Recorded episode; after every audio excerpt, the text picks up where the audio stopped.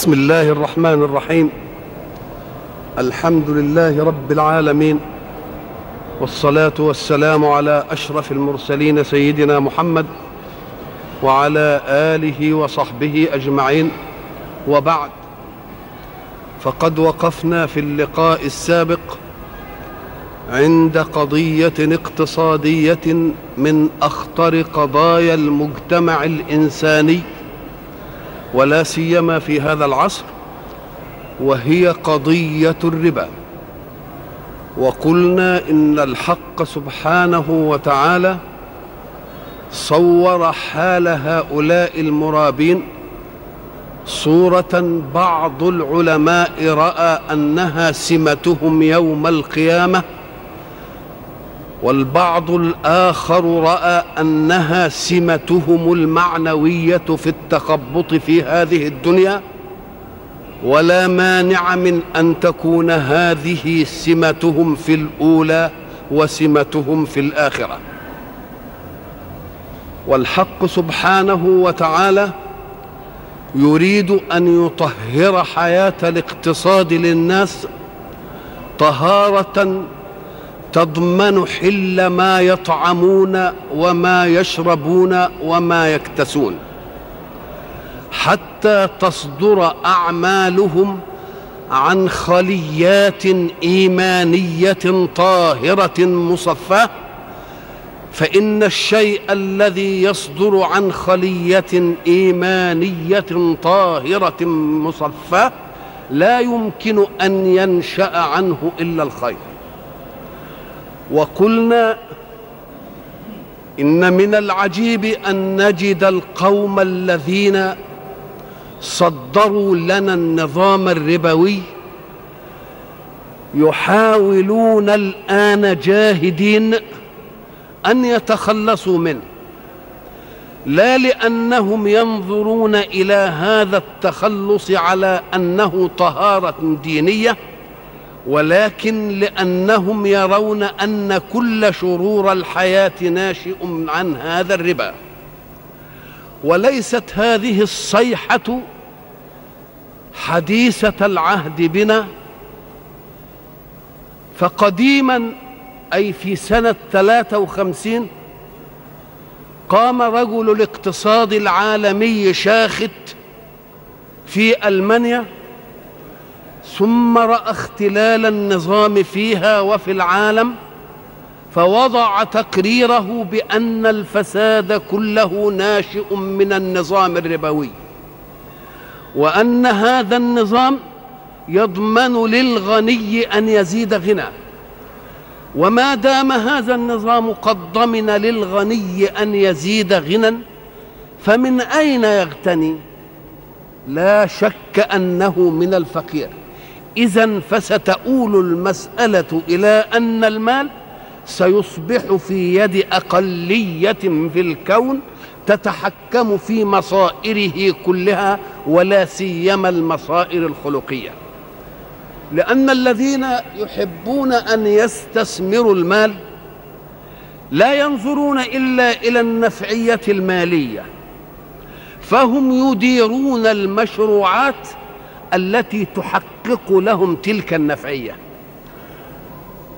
وأيضا كنز الذي يتزعم فكرة الاقتصاد في العالم يقول قولته المشهورة إن المال لا يؤدي وظيفته في الحياة إلا إذا انخفضت الفائدة إلى صفر. ومعنى انخفضت الفائدة إلى صفر أنه لا ربا. وإذا ما نظرنا إلى عملية عقد الربا في ذاتها وجدناها عقدا باطلا لأن كل عقد من العقود إنما يوجد لحماية الطرفين المتعاقدين والربا وعقده لا يحمي إلا طرف الدائن فقط. وأيضا أمر خلقي آخر وهو أن الإنسان لا يعطي ربا إلا إذا كان عنده فائض عن حاجته. ولا يأخذ إنسان مقابل منه ربا إلا إذا لم إذا كان محتاجا. فانظروا إلى النكسة الخلقية في الكون. الذي لا يجد وهو المعدم الفقير الذي اضطر إلى أن يستدين هو الذي يتكفل بأن يعطي الأصل والزائد إلى الغني غير المحتاج. نكسة خلقية توجد في المجتمع ضغنا وتوجد في المجتمع حقدا وتقضي على بقية المعروف بين الناس والمودة. فإذا ما رأى إنسان فقير إنسانا غنيا عنده يشترط عليه وهو معدم أن يعطيه ما يأخذ وأن يزيد عليه. كان يكفيه أن يعطيه ما يأخذ منه ولكنه يعطيه ما يأخذ منه ويزيد عليه. وأيضا كانوا يتعللون ويقولون إن النص القرآني إنما يتكلم عن الربا في الأضعاف المضاعفة. أضعافا مضاعفة فإذا منعنا القيد في الأضعاف المضاعفة لا يكون حراما. يعني نعطيه أضعافا ولكن ليست مضاعفة. أو لا نعطيه أضعافا بل نعطيه ضعفا. نقول لهم الذين يقولون ذلك يحاولون أن يتلصصوا على النص القرآني. وكأن الله قد ترك النص ليتلصصوا عليه ويسرقوا منه ما شاءوا دون أن يضع في النص ما يحول دون هذا التلصص. ولو فطنوا إلى أن الله يقول في آخر الأمر فلكم رؤوس أموالكم. لا تظلمون ولا تظلمون. فإذا كان الله قد قال أخيرا إن تبتم فلكم رؤوس أموالكم. يبقى لم يستثن ضعفا ولا أضعافا. رؤوس أموال يبقى أضعافا مضاعفة ليست قيدا وإنما جاءت لبيان الواقع الذي كانوا يعيشون فيه. لأن ما دام رؤوس أموالكم يبقى لم يسمح لا بنصف الضعف ولا بالضعف ولا بالضعفين ولا بالأضعاف ولا بالمضاعفات. وكانوا يتعللون أن اتفاق الطرفين على أي أمر يعتبر تراضيا ويعتبر عقدا. نقول له هذا فيما لم يكن فيه مشرع أعلى مني ومنك يسيطر على هذا التراضي. فهل كلما تراضى طرفان على شيء يصير حلالا؟ لو كان الأمر كذلك لكان الزنا حلالا لأنهما طرفان لأنهما طرفان قد تراضيا. كل ذلك لا يتأتى إلا في الأمور التي ليس فيها مشرع أعلى مني ومنك. فرض أمرا يقضي على التراضي بيني وبينك لأنه هو المسيطر. والله قد حكم في الأمر فلا تراضي بيننا فيما يخالف فيما شرع ما شرع الله ولا ما حكم فيه. وإذا نظرنا نظرة أخرى وجدنا أن التراضي الذي يدعونه أيضا مردود عليه باطل بالفحص الدقيق والبحث المنطقي. لماذا؟ لاننا نقول إن التراضي إنما ينشأ بين اثنين لا يتعدى أمر ما تراضيا عليه إلى غيرهما. أما إذا كان الأمر قد تعدى من تراضيا عليه إلى غيرهما فالتراضي باطل. كيف هذا؟ هب أنني لا أملك الفا ويملك واحد آخر الفا. الذي يملك الفا هي ملكه أدار بها عملا من الأعمال. حين يدير عملا من الأعمال المطلوب له أجر عمله ليعيش من هذا. ولكن الذي ليس عنده ألف إذا ما أراد أن يعمل مثل هذا العمل فذهب إلى إنسان وأخذ منه ألفا ليعمل عملا كهذا الذي يعمله. فيشترط عليه أن يزيده مئة. فيكون المطلوب للثاني الذي اقترض ألفا أجر عمله كالأول ويزيد المئة التي زادها. فمن أين يأتي بالمئة؟ إن كانت سلعته تساوي سلعة الآخر يخسر. وإن كانت سلعته أقل من الآخر تكسد وتبور. إذا فلا بد له من الاحتيال النكد. هذا الاحتيال النكد هو أن يخلع على سلعته وصفا شكليا يساوي به سلعة الآخر ويعمد إلى الجواهر الفعالة في الصنعة فيسحب منها ما يوازي المئة. من الذي سيدفع ذلك؟ إنه المستهلك. إذا فالمستهلك قد أضير بهذا التراضي. ما دام المستهلك هو الذي يغرم وهو الذي يدفع يبقى إذا العقد حتى في عرفهم بالتراضي عقد إيه؟ عقد باطل. إذا فالحق سبحانه وتعالى يريد أن يشيع في الناس الرحمة أن يشيع في الناس المودة أن يشيع في الناس التعاطف أن يشيع في الناس أن صاحب النعمة نعمته متعدية إلى غيره.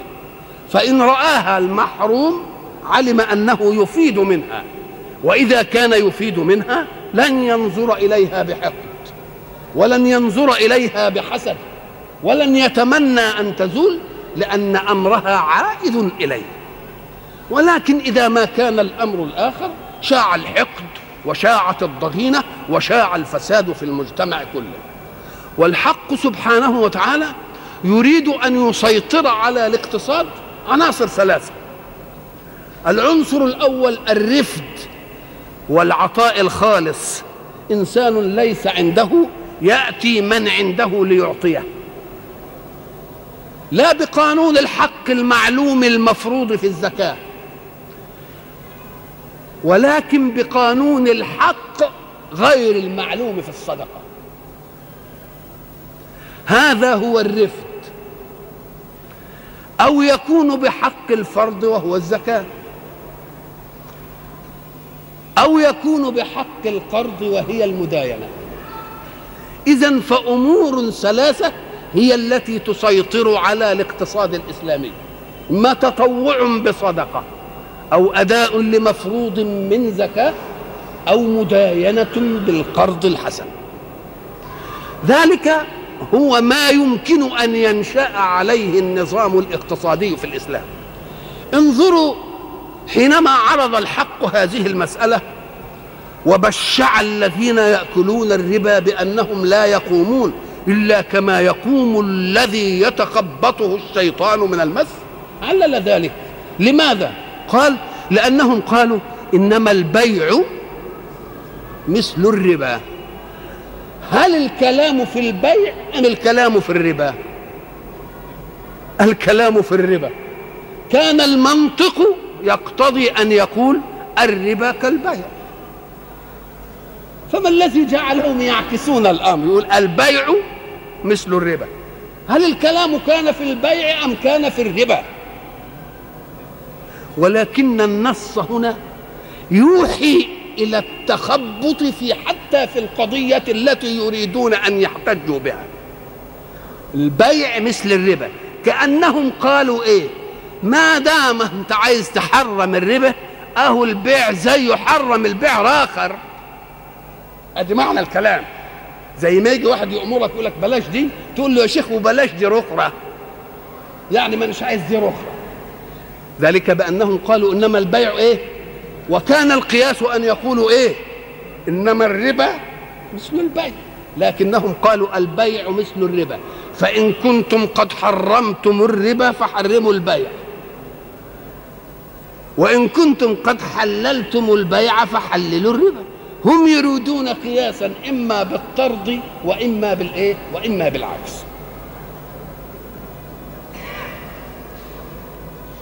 فقال الله القضية الحاسمة أحل الله البيع وحرم الربا. وتلك موعظة من الله جاءته. والموعظة إن كانت من غير مستفيد منها فالمنطق أن تقبل. الموعظة التي يشك فيها هي الموعظة التي تعود على الواعظ بشيء. إنما إذا كانت الموعظة قد جاءت ممن لا يستفيد بهذه الموعظة. يبقى ده حيثية قبولها ولا لأ؟ تلك حيثية قبولها. فمن جاءه موعظة من ربه شوف كلمة الرب دي حين تأتي. فافهم أن المقصود منها الذي تولى تربيتكم. ومتولي التربية خلقا وإيجاد ما يستبقي الحياة وإيجاد ما يستبقي النوم ومحافظة على كل شيء بتسخير كل شيء لك. يبقى يجب أن لا يتهم في هذه لأنه قد وضع لك كل شيء لأنه رب. وما دام رب فهو متولي تربيتك. وما دام هو متولي تربيتك فإياك أيها المربى أن تتأبى على عظة المربي. فمن جاءه موعظة من ربه فانتهى فله ما سلف. يعني لن يكون الأمر بأثر الرجعي تلك هي الرحمة. لماذا؟ لأنه من الجائز أن كل مراب قد رتب حياته ترتيبا على ما كان يناله من حرام. فإذا ما كان الأمر كذلك فسنعفو عما سلف وعليه أن يبدأ حياته في الوعاء الاقتصادي الجديد ولن نرجع عليه بما فات. تلك هي عظمة التشريع الرباني. فمن انتهى فله ما سلف وما سلف يعني ما إيه؟ ما سبق وما مضى. وأمره إلى الله. كلمة أمره إلى الله دي تفيد إيه؟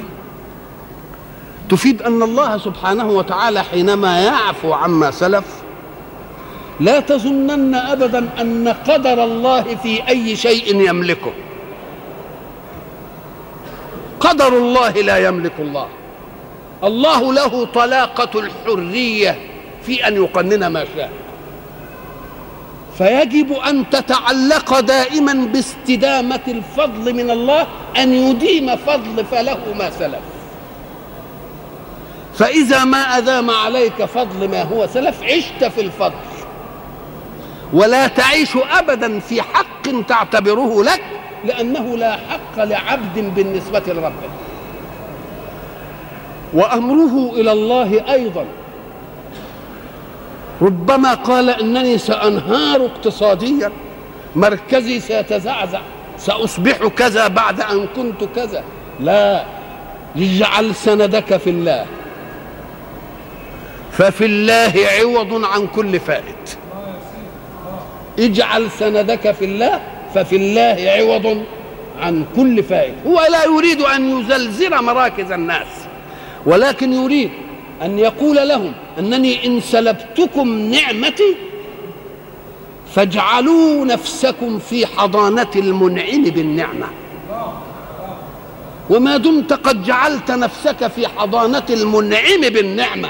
إذا فالنعمة لا شيء لأن المنعم عوض عن هذه النعمة. وأمره إلى الله.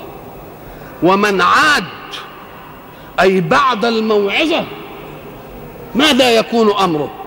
فأولئك أصحاب النار هم فيها خالدون.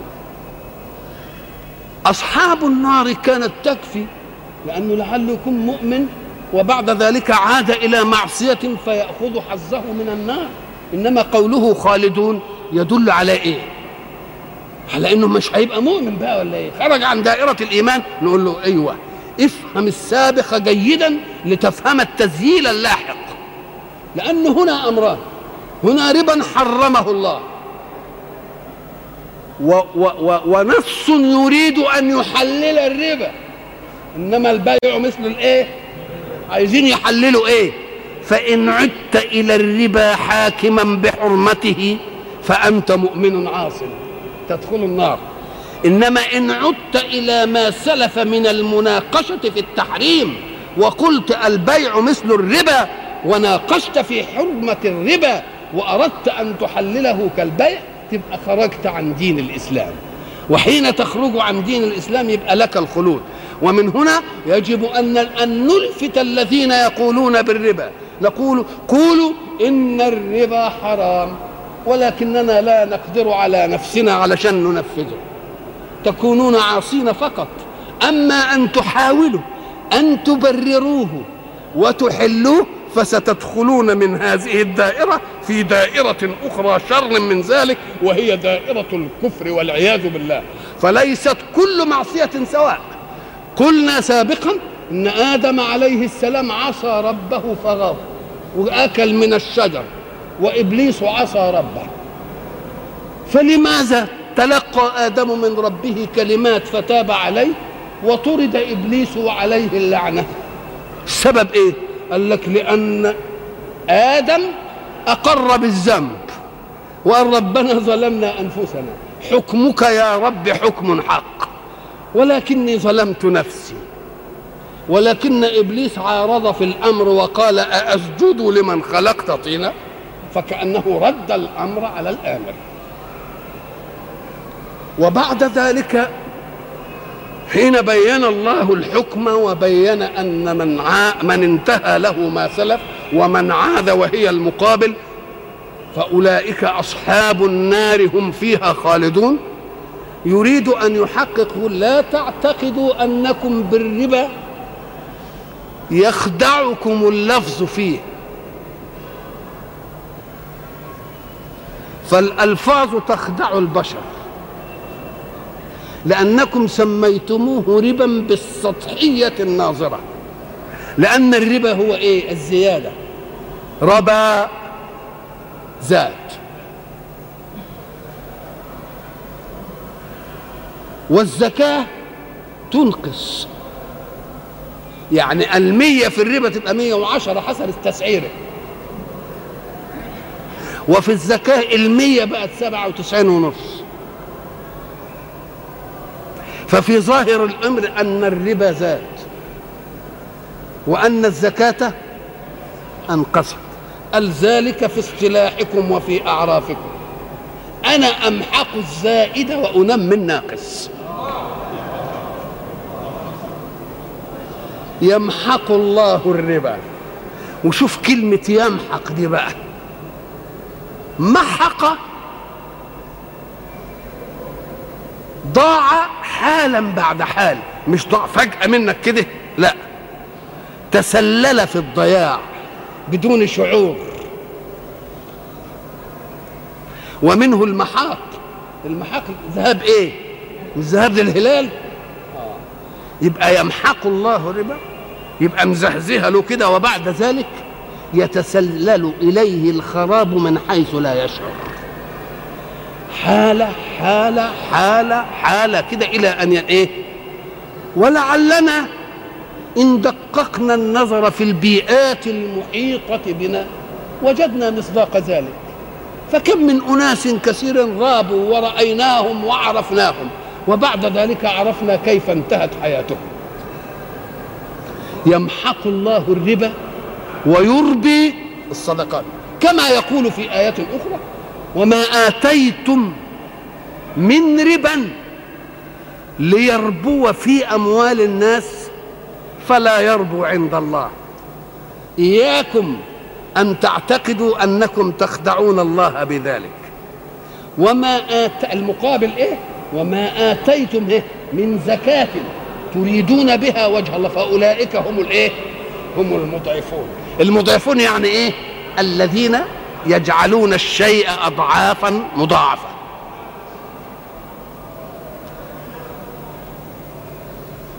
بعد أن يقول يمحق الله الربا.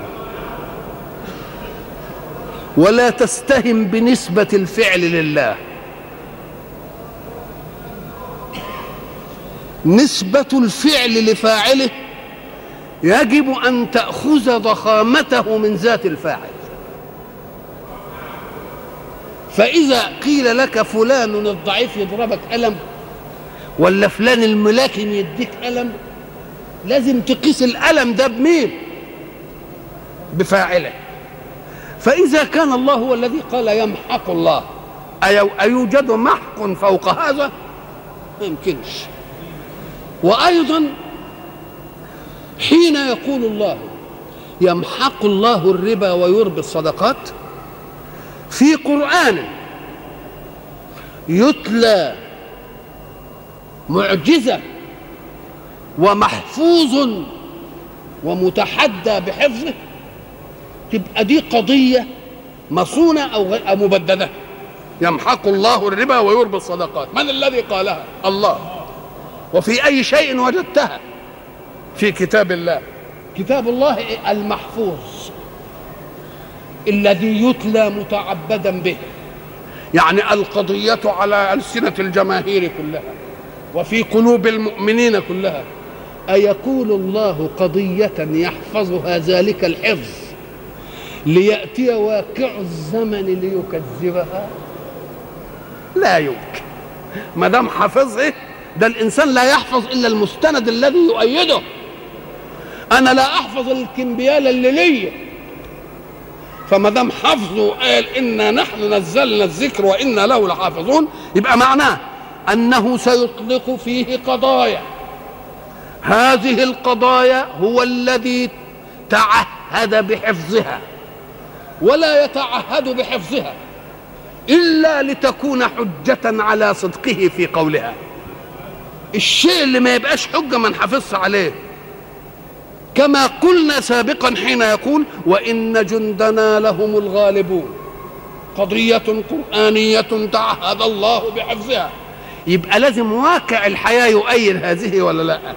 فإذا كان الواقع لا يؤيدها ماذا يكون الموقف؟ هنكذب القرآن. وحاشانا أن نكذب القرآن الذي قاله الحق الصادق الذي لا إله سواه ليدير كونا من ورائه. يمحق الله الربا ويربي الصدقات. والله لا يحب كل كفار أثيم. شوف كلمة كفار. كفار مش كافر وأثيم. ما هوش آثم. ليه؟ لأنه يريد أن يرد الحكم على الله. وما دام يريد أن يرد الحكم على الله يبقى كفر كفرين اثنين. كفر إنه ما اعترفش بهذه وكفر بأنه رد الحكم على الله. واثيم ما هوش اثم يبقى ليه؟ إشمعنى جاب صيغات الايه صيغة المبالغة؟ في كفار وإيه؟ وأثيم. لنستدل على أن القضية التي نحن بصددها قضية عمرانية اجتماعية كونية إن لم تكن كما أرادها الله فسيتزلزل أركان المجتمع كله. وبعد ذلك بعد أن يأتي بالكفر والإثم ومرارة المبالغة في كفار ومرارة المبالغة في اثيم يقول المقابل لأن ساعة يأتي الشيء ويأتي مقابله تبقى تدرك حلاوة المقابل. لما الشاعر بيقول إيه؟ فالوجه مثل الصبح مبيض والشعر مثل الليل مسود ضدان لما لما استجمعا حسنا والضد يظهر حسنه الضد فكأن الله بعد أن تكلم عن الكفار وعن الأثيم يوم يرجعنا بقى لحلاوة الإيه؟ لحلاوة الإيمان فيقول إيه؟ إن الذين آمنوا وعملوا الصالحات وأقاموا الصلاة وآتوا الزكاة لهم أجرهم عند ربهم. قلنا كلمة أجر في في الحلقة السابقة تقتضي أن أنه لا يوجد مخلوق يملك سلعة. إنما كلنا مستأجرين. ليه؟ لأننا قلنا بنشغل المخ المخلوق لله. بالطاقة المخلوقة لله اللي هي فيها الحركة دي في المادة المخلوقة لله. يبقى ماذا تملك أنت أيها الإنسان إلا عملك؟ وما دام لا تملك إلا عملك يبقى لك أجر. فلهم أجرهم عند ربهم. وكلمة برضو عند ربهم لها ملحظ. لأن لما يكون لك الأجر عند المساوي يمكن ياكلك. إنما ده ليك أجر عند رب تولى هو تربيتك. يبقى مش هيضيع ما يضيعش أبدا. ولا خوف عليهم لا من نفسهم على نفسهم ولا من أحبابهم عليهم. اطمئنوا كده. ولا هم يحزنون؟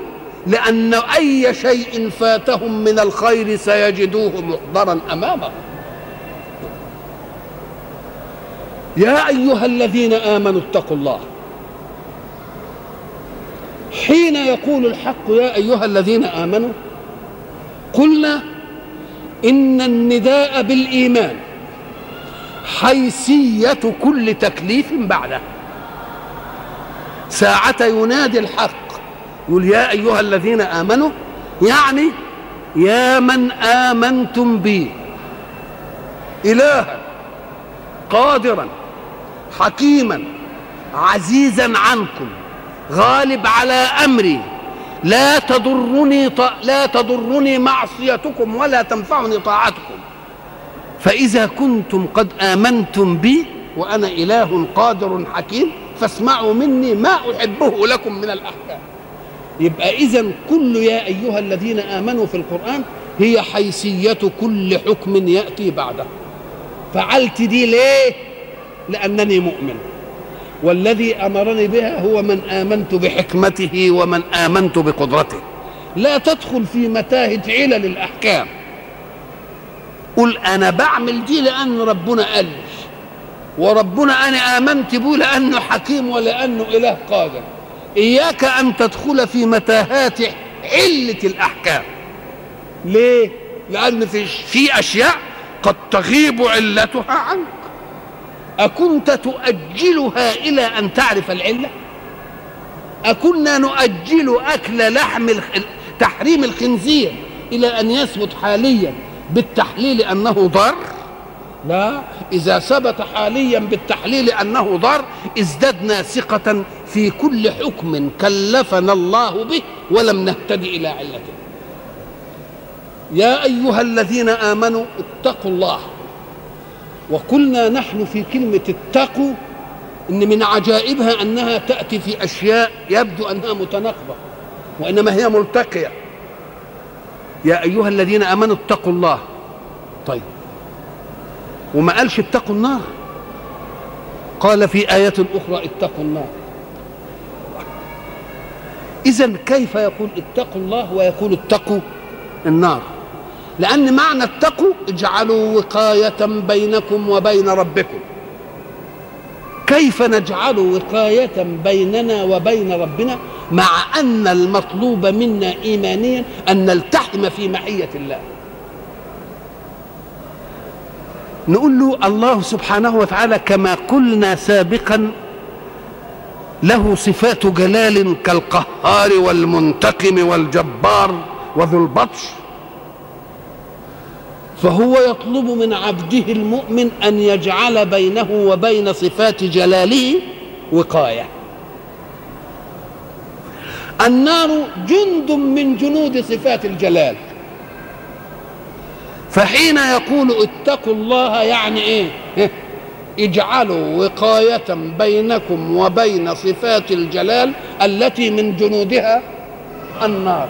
يبقى اتقوا الله زي اتقوا النار تمام. قد بعض اجعلوا وقاية بينكم وبين النار.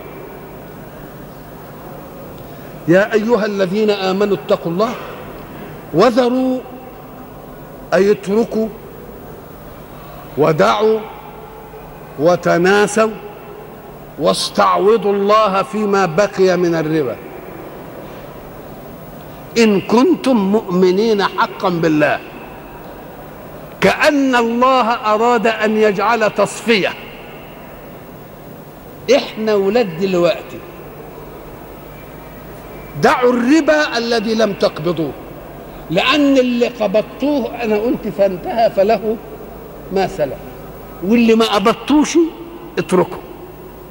اتقوا الله وذروا إيه؟ ما بقي من الربا إن كنتم مؤمنين. فإن قلتم إن التعاقد قد صدر قبل التحريم على فرض أننا سنؤدي لأن التعاقد أوجب لك الحق في عرفك. ولكنك لم تقبض الحق ليصير في يدك ترتب حياتك الاقتصادية عليه اذا فترتيب الحياة الاقتصادية لم ينشأ بالاتفاق عليه ولكنه ينشأ بقبضه وانت ما قبضتوش فاتقوا الله وذروا ما بقي من الربا إن كنتم مؤمنين. طب إن لم تفعلوا فأذنوا بحرب من الله ورسوله. ائذنوا بحرب. كلمة الألف والزال والنون من الأذن كلها المادة مشتقة من الأذن. الأذن اللي هي الأصل الأول في الإعلام. الأذن هي الأصل لأن الإنسان مش مفروض إنه يبقى قارئ الأول. ده لا يكون قارئا إلا إذا سمع. لازم أسمع الأول إن دي ألف ودي باء ودي تاء الأول أسمعها. اذا فلا يمكن أن ينشأ إعلام إلا بالسماع. ولذلك قلنا سابقا إن الحق سبحانه وتعالى حينما تكلم عن أدوات العلم للإنسان قال والله أخرجكم من بطون أمهاتكم لا تعلمون شيئا. ثم جعل لكم وسائل الإعلام. وجعل لكم السمع ها؟ والأرض والأفئدة. بترتبها كده. آه ولذلك لما جم في وظائف الأعضاء لقوها طبق الأصل. طبق الأصل زي ربنا ما قال. الوليد الصغير حين يولد تجيب صبعك عند عينه ما يرمش ليه؟ عينه لم تؤدي مهمتها بعد. وله شايف حاجة.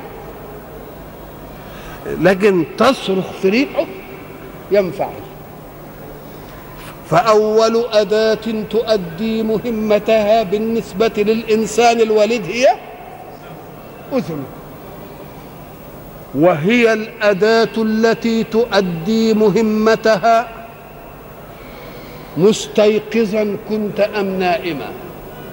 العين تغمض ما تشوفش لكن الودن مستعدة إنها إيه؟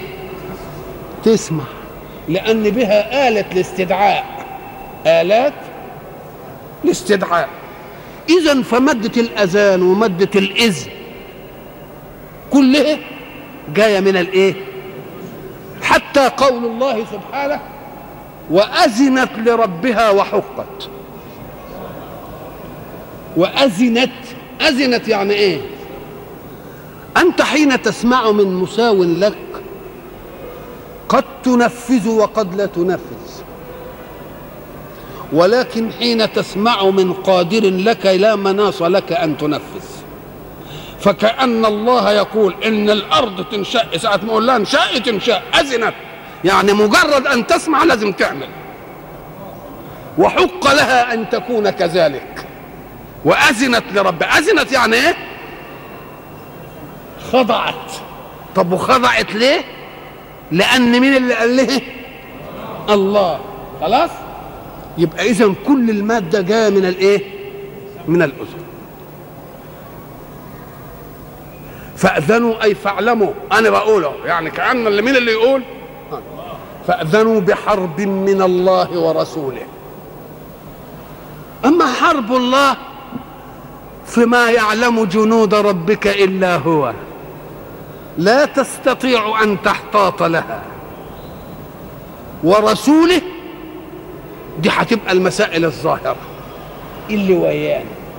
كأن الحق سبحانه وتعالى يجرد على المرابين تجريدة هائلة من جنوده التي لا يعلمها إلا هو طب وحرب إيه؟ المؤمنون برسوله يجب أن يكونوا حربا على كل ظاهرة من هذه الظواهر ليطهروا حياتهم من دنس الربا وإلى لقاء آخر إن شاء الله